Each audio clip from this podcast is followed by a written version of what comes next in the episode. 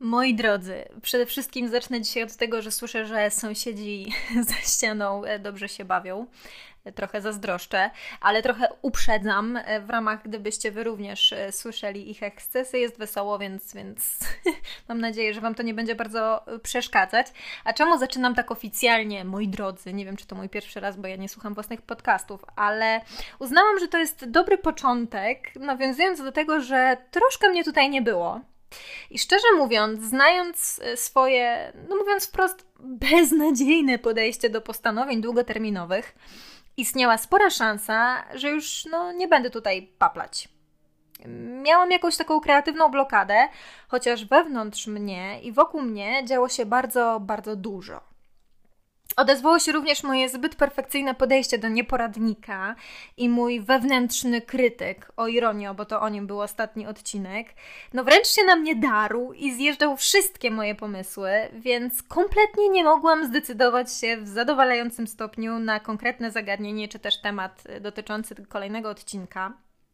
Jednak w tak zwanym międzyczasie, słuchajcie, urodziła się we mnie swoista fascynacja, taki wręcz nowy fetysz do badań, doświadczeń i eksperymentów. Socjologicznych, psychologicznych, no wszelakich, które za zmienną mają człowieka.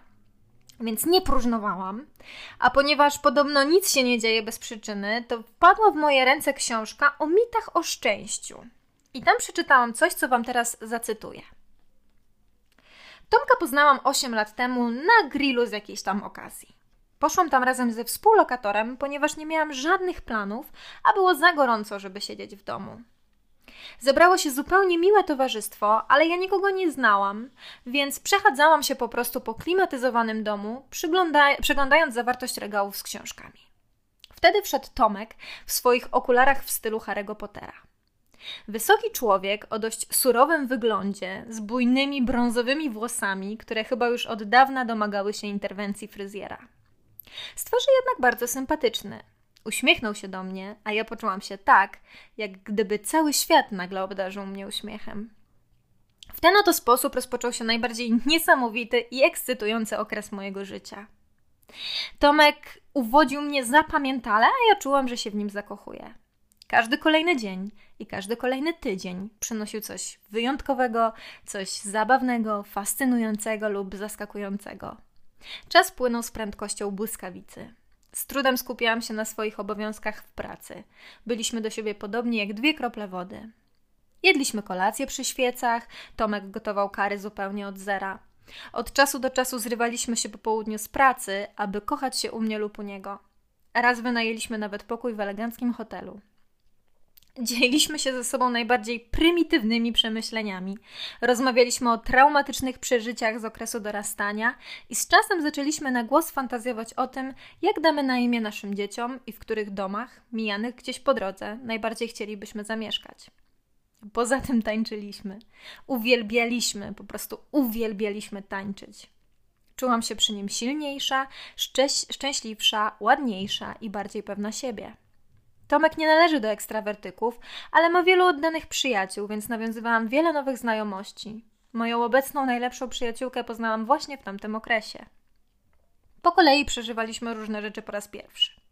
Pierwszy pocałunek, pierwsze kocham cię, pierwszy wspólny wyjazd. Problem jednak polega na tym, że poszczególne rzeczy można robić po raz pierwszy tylko raz drugi pocałunek i siódme wyznanie miłości, a także kolejne wspólne wakacje nie były już takie wyjątkowe i radosne jak te pierwsze. Z czasem, w miarę jak nasz związek się rozwijał, niesamowite doświadczenia pojawiały się coraz rzadziej i z coraz mniejszą intensywnością. On przestał mówić kocham cię po kilka razy dziennie, rzadziej prowadziliśmy gorączkowe dyskusje na temat naszej wspólnej przyszłości, a ja przestałam się tak często uśmiechać na myśl o tym, że mogłabym go pocałować. Już nie czułam się tak wielką szczęściarą jak kiedyś. Wkrótce zaczęłam przyzwyczajać się do myśli, że mam kogoś, kogo kocham. Przyzwyczaiłam się też, że spędzamy razem wieczory i weekendy. Przywykłam do poczucia dumy, z którą opowiadałam o Tomku rodzinie i przyjaciołom. Przestało się dla mnie liczyć, że Tomek mnie kocha i jest mi wierny. Nagle zapragnęłam, aby zaproponował mi wspólne mieszkanie. Gdy w pewnym momencie to zrobił i gdy urządziliśmy się już we wspólnie wynajętym mieszkaniu, zapragnęłam znowu czegoś więcej małżeństwa, dzieci. Absolutnie nie mogę powiedzieć, żebym z moim dzisiejszym, dzisiejszym życiem, z Tomkiem i naszymi synami było coś nie tak.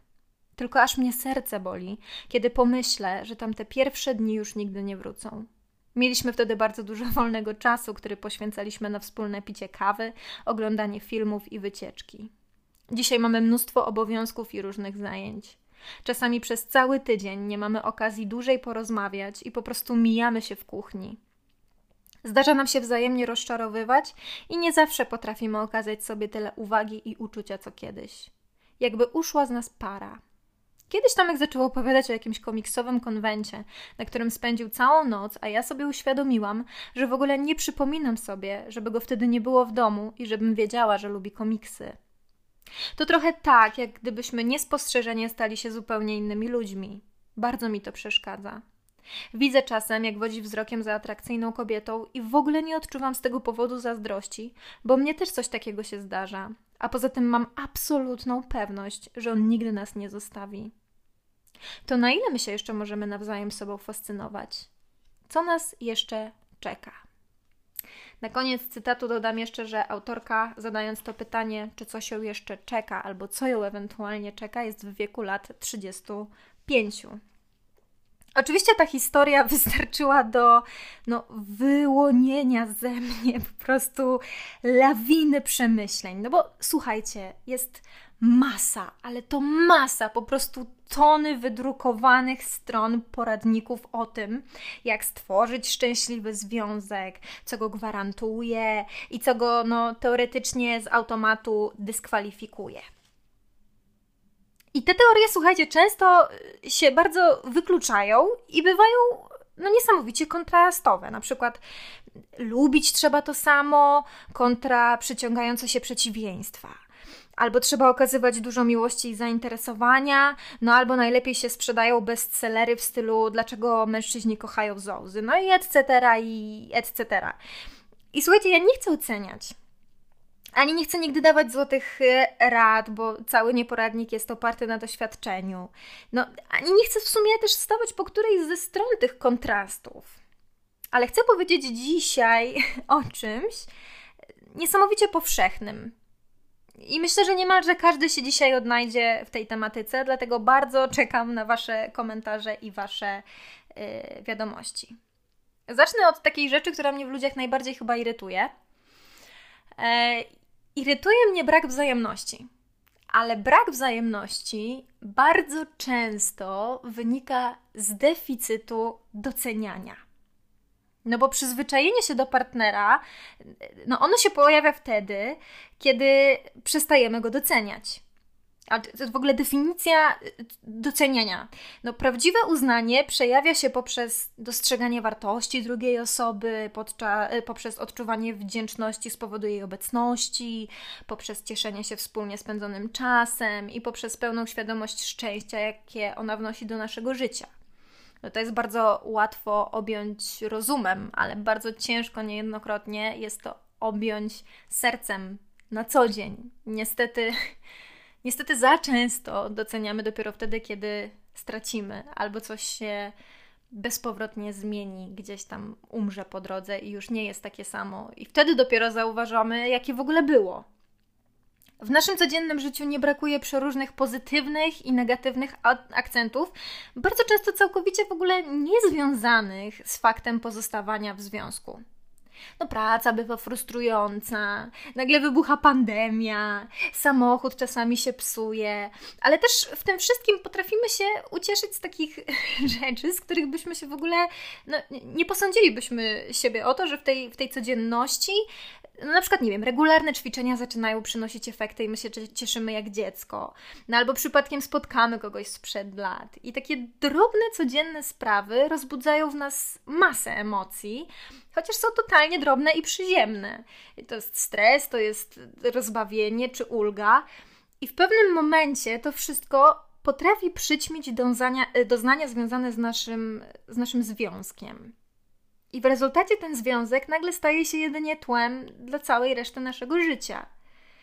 Słuchajcie, według mnie wniosek płynie z tego taki, że jeśli zdołamy podtrzymać w sobie to uczucie wdzięczności i radości związane ze świadomością bycia z tym kimś, jeśli ta świadomość często będzie się pojawiać w naszej pamięci i rozbudzać w, nas poprzez to reakcje emocjonalne, no to możemy uniknąć konsekwencji traktowania związku jako czegoś oczywistego.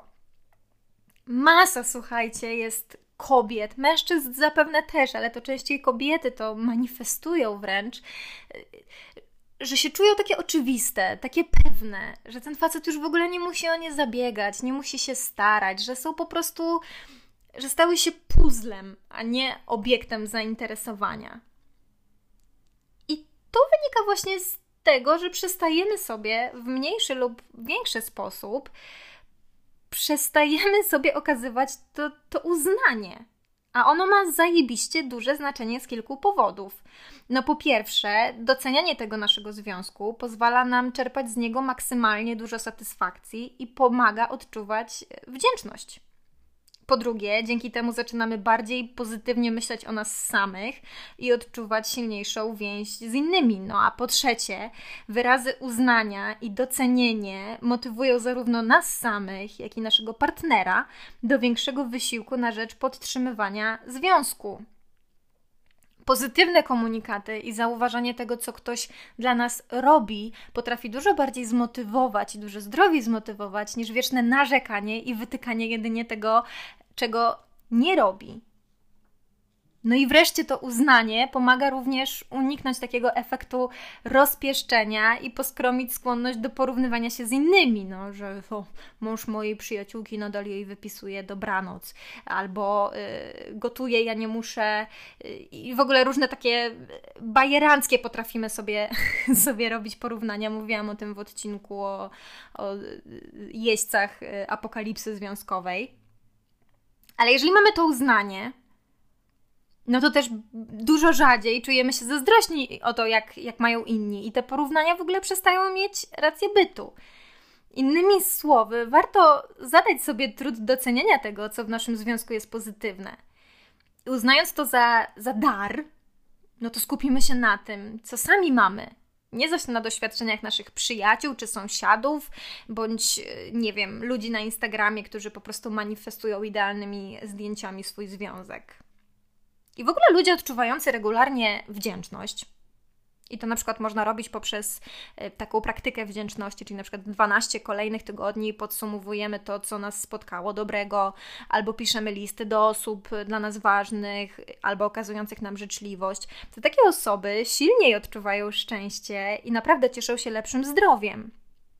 I bardzo dobre rezultaty przynosi proste ćwiczenie polegające na tym, że wypisuje się na kartce wszystko to, co się docenia u partnera bądź w związku.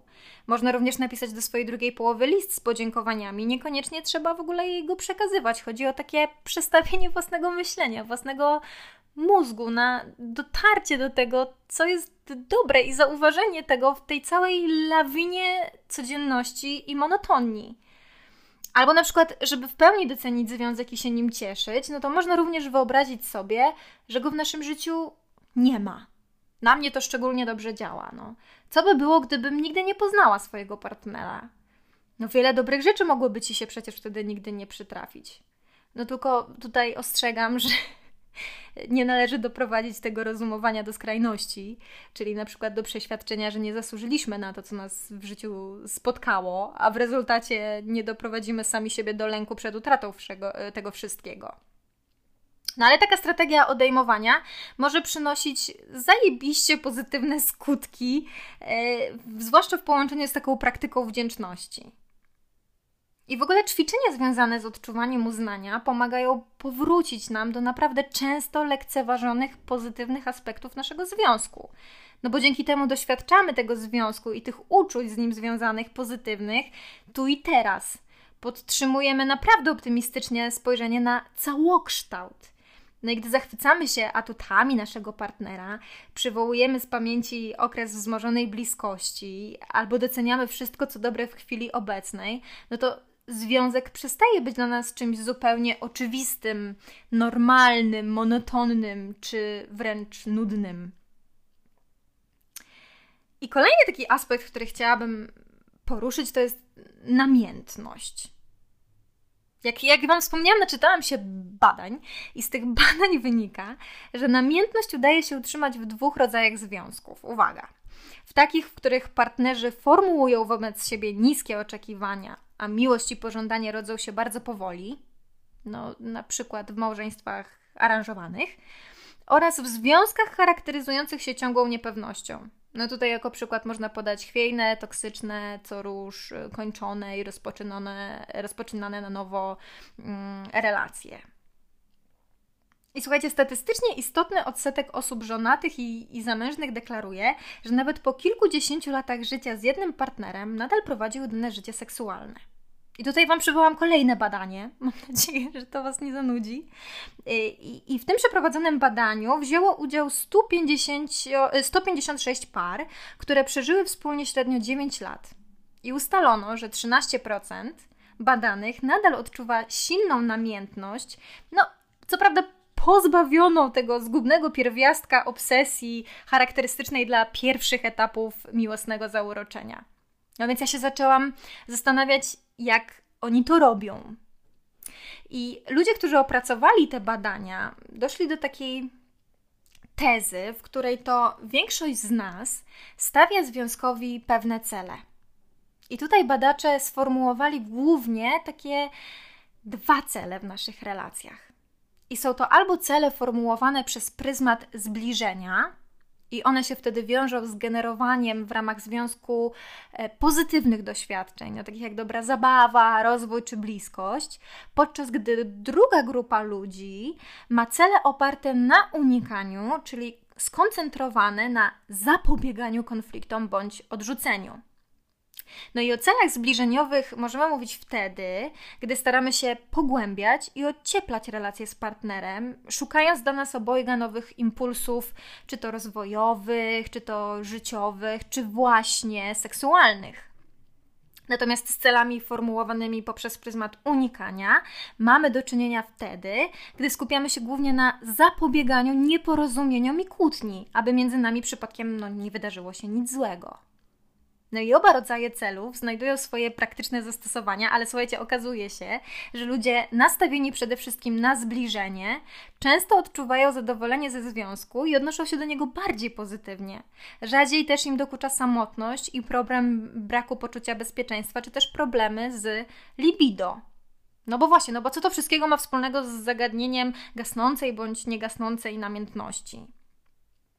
Otóż to ma wspólnego, że ludzie dążący przede wszystkim do budowania pozytywnych doświadczeń, czyli ludzie, którzy są nastawieni na docenienie i na wdzięczność w swojej relacji, no to często postrzegają aktywność seksualną jako doskonały sposób na osiągnięcie swojego celu i zbliżenie się do drugiej osoby. No w rezultacie takie osoby częściej myślą o seksie, częściej wykorzystują go jako sposób na sprawienie partnerowi przyjemności czy wzmocnienie wspólnej bliskości. No takie, takie podejście naprawdę może się przekładać na większe wyczulenie, na sygnały seksualne wysyłane przez partnera, na mniej wstydu, więcej pewności siebie, na chętniejsze reagowanie na te sygnały seksualne i aktywne dążenie do sprowokowania sytuacji sprzyjających pogłębieniu tej bliskości i faktycznemu uprawianiu tego seksu, eksperymentowaniu. Bo wyznaczanie celów przez pryzmat zbliżenia może po prostu wprawiać w nas lepszy nastrój, skłaniać do bardziej pozytywnego myślenia, no, co już samo w sobie potencjalnie przekłada się na nasilenie pożądania i dobrze robi naszemu libido. To dobrze robi, to może dam sobie, mogłam sobie darować w tym, w tym kontekście, o którym mówię. Słuchajcie, jest jeszcze kilka takich rzeczy, no bo są, są oczywiste rzeczy, przez które związek się rozpada, tak? To jest brak szacunku, to są toksyczne zachowania, to jest znęcanie się psychiczne czy fizyczne. Y, naprawdę jest kilka takich bullet pointów, które nawet bez tych wszystkich durnych poradników totalnie dyskwalifikują relacje, ale jest też kilka takich właśnie bullet pointów, które zajebiście wzmacniają relacje, będąc jednocześnie bardzo małymi, drobnymi rzeczami, na które często nie zwracamy uwagi reagując bardzo odruchowo. Ja sobie wypisałam kilka takich punktów i pierwsze, co sobie wypisałam, to punkt, który zatytułowałam Nie tylko ze mną płacz, ale też się ze mną ciesz.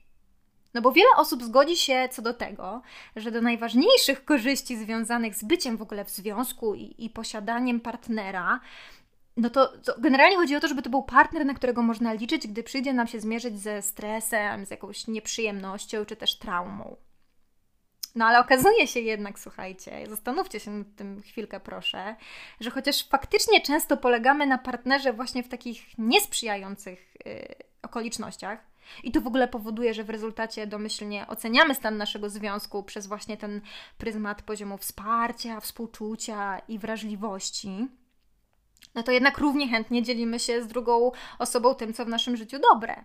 Nasi partnerzy to są często te osoby, którym odruchowo w pierwszej kolejności przekazujemy wszystkie dobre newsy, no i co szczególnie zaskakujące, słuchajcie, w tym wszystkim, no to wychodzi na to z mojego doświadczenia i z doświadczenia wszystkich mądrych ludzi, z którymi rozmawiam, i z doświadczenia tych wszystkich książek i, i tych wszystkich badań, no to związki naści, najściślejsze, cechujące się największą intymnością i w największym stopniu oparte na zaufaniu, wyróżniają się na tle pozostałych nie tyle podejściem partnerów do rozczarowań, strat i niekorzystnych zdarzeń w życiu drugiej osoby, co właśnie ich reakcjami na dobre wiadomości. I najlepiej zdają się rozwijać te związki, w których partnerzy w sposób naprawdę aktywny i konstruktywny, spontaniczny, z zainteresowaniem i z zachwytem odnoszą się do sukcesów i pozytywnych zdarzeń z życia swojej drugiej połowy. Mogę tu przytoczyć przykład bardzo niepoprawny. Kiedy wydałam książkę kurwa, nie wiem, może to jest normalne, że ludzie wydają książki. No dla mnie to było, słuchajcie, nienormalne, w sensie fantastyczne wręcz. I, ja wtedy usłyszałam po prostu super. Nie poszliśmy kuźwa na żadną kolację, nie dostałam kwiatów, po prostu było super. Także no nie, to, to nie polecam.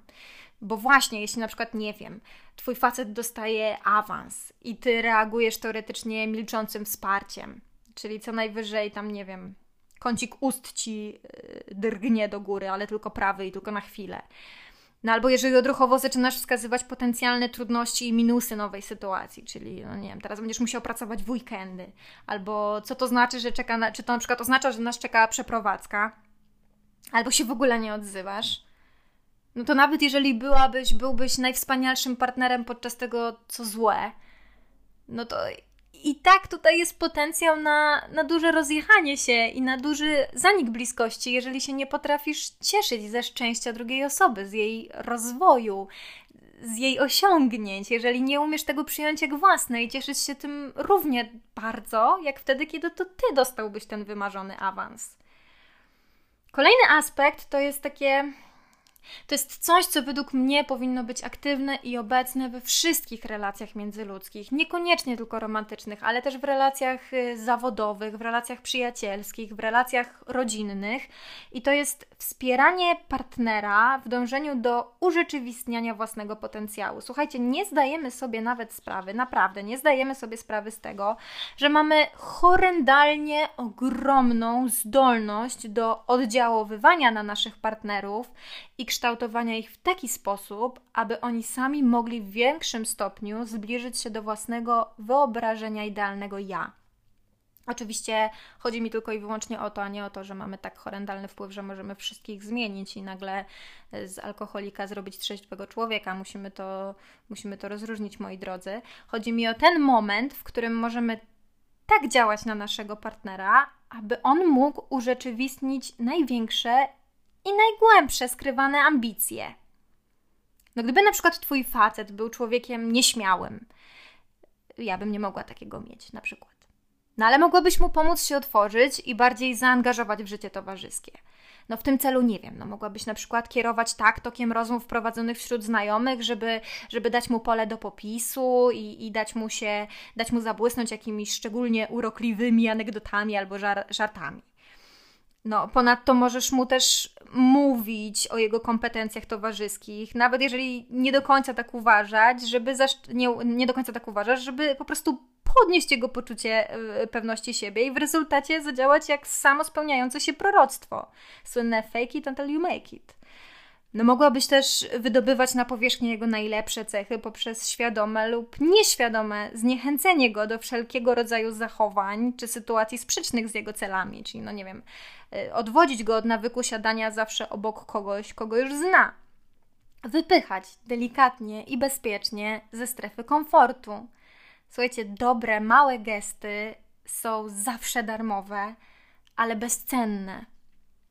I kolejny aspekt to jest coś, czego wiele ludzi nie, dotyka, e, nie, nie docenia albo o tym skrupulatnie zapomina. I to jest, słuchajcie, potęga dotyku.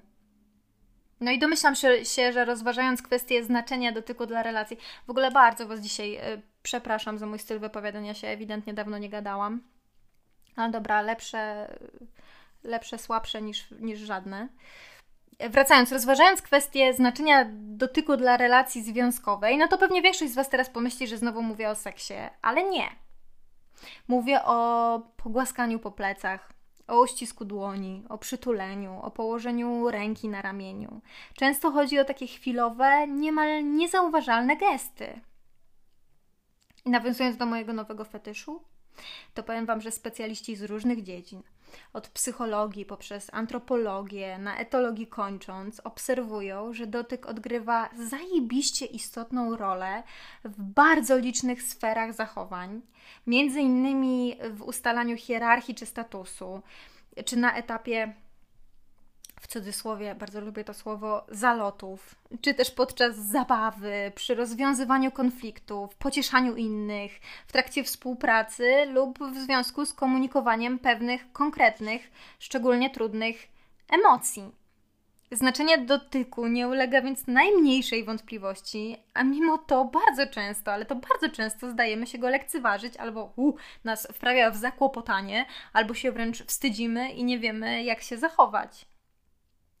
A słuchajcie, dotyk o charakterze nieseksualnym i w ogóle inne formy okazywania uczuć mogą naprawdę skutecznie rozwiązać problem nudy czy takiej byle jakiej atmosfery w związku. No takie zachowania ewidentnie pozwalają rozbudzić ciepło, no są pozytywnym gestem, są wyciągniętą ręką, e, rozpalają czułość, niekiedy nawet no, prawdziwą namiętność, której nam od dawna brakowało. I z tych badań, o których mówię, które przytaczam tak namiętnie, e, wynika, że zupełnie zwyczajny dotyk aktywuje, słuchajcie, mózgowe ośrodki nagrody, zmniejsza poziom hormonu stresu we krwi i osłabia odczuwanie fizycznego wręcz bólu. I w ogóle umiejętność rozpoznawania konkretnych emocji na podstawie jednorazowego kontaktu fizycznego może odegrać bardzo istotną rolę w przeróżnych sytuacjach w związku dwojga ludzi. Ja zawsze, jak wpadałam jeszcze w swoje szały, nie potrafiłam się złościć, to jak już wytrzeźwiałam w cudzysłowie, to mówiłam mojemu chłopakowi, to by się wszystko zupełnie inaczej potoczyło. Albo właśnie w ogóle by się nie potoczyło, gdybyś w momencie, w którym widzisz, że ja się nakręcam, po prostu podszedł i mnie przytulił. I nawet jeżeli ja bym wtedy, o, zostaw mnie, nie dotykaj mnie, a, a ty byś mnie po prostu przytrzymał i przytulił, to ja bym się w życiu, no w życiu tak nie nakręciła. No delikatne muśnięcie stanowiące wyraz miłości może naprawdę zapobiec dalszej eskalacji kłótni. No, pogłaskanie po ramieniu w geście wdzięczności zbliża ludzi do siebie. Czy uścisk wyrażający szczęście z powodu sukcesów partnera przekłada się na jego wzrost poziomu zadowolenia z tego sukcesu. Pewne formy dotyku rozbudzają w nas na nowo poczucie bezpieczeństwa, ale takiego bezpieczeństwa charakterystycznego dla wczesnego okresu naszego życia, kiedy to praktycznie non-stop przebywaliśmy w objęciach matki czy też ojca. Mój drogi, moja droga, być może myślałeś, że teoretycznie to wszystko wiesz i nad tym wszystkim panujesz, że znalazłeś tę jedyną, tego jedynego, jedyną miłość, że weźmiecie ślub albo wzięliście ślub i już zawsze z takim samym nasyceniem emocji będziecie tak szczęśliwi, jak byliście teraz albo w waszych najwspanialszych czasach. No i być może z czasem jednak korzyści płynące z faktu pozostawania w związku zaczęły nieco maleć. No i najpierw pojawił się niepokój i niezadowolenie, potem wręcz apatia i otępienie. No a potem nagle zapragnąłeś, zapragnęłaś czegoś więcej. Natomiast chcę Wam dzisiaj powiedzieć jedną bardzo istotną rzecz, że moment, w którym uświadamiamy sobie, że coś już nas tak nie cieszy jak kiedyś, nie stanowi ani końca, ani początku tej drogi.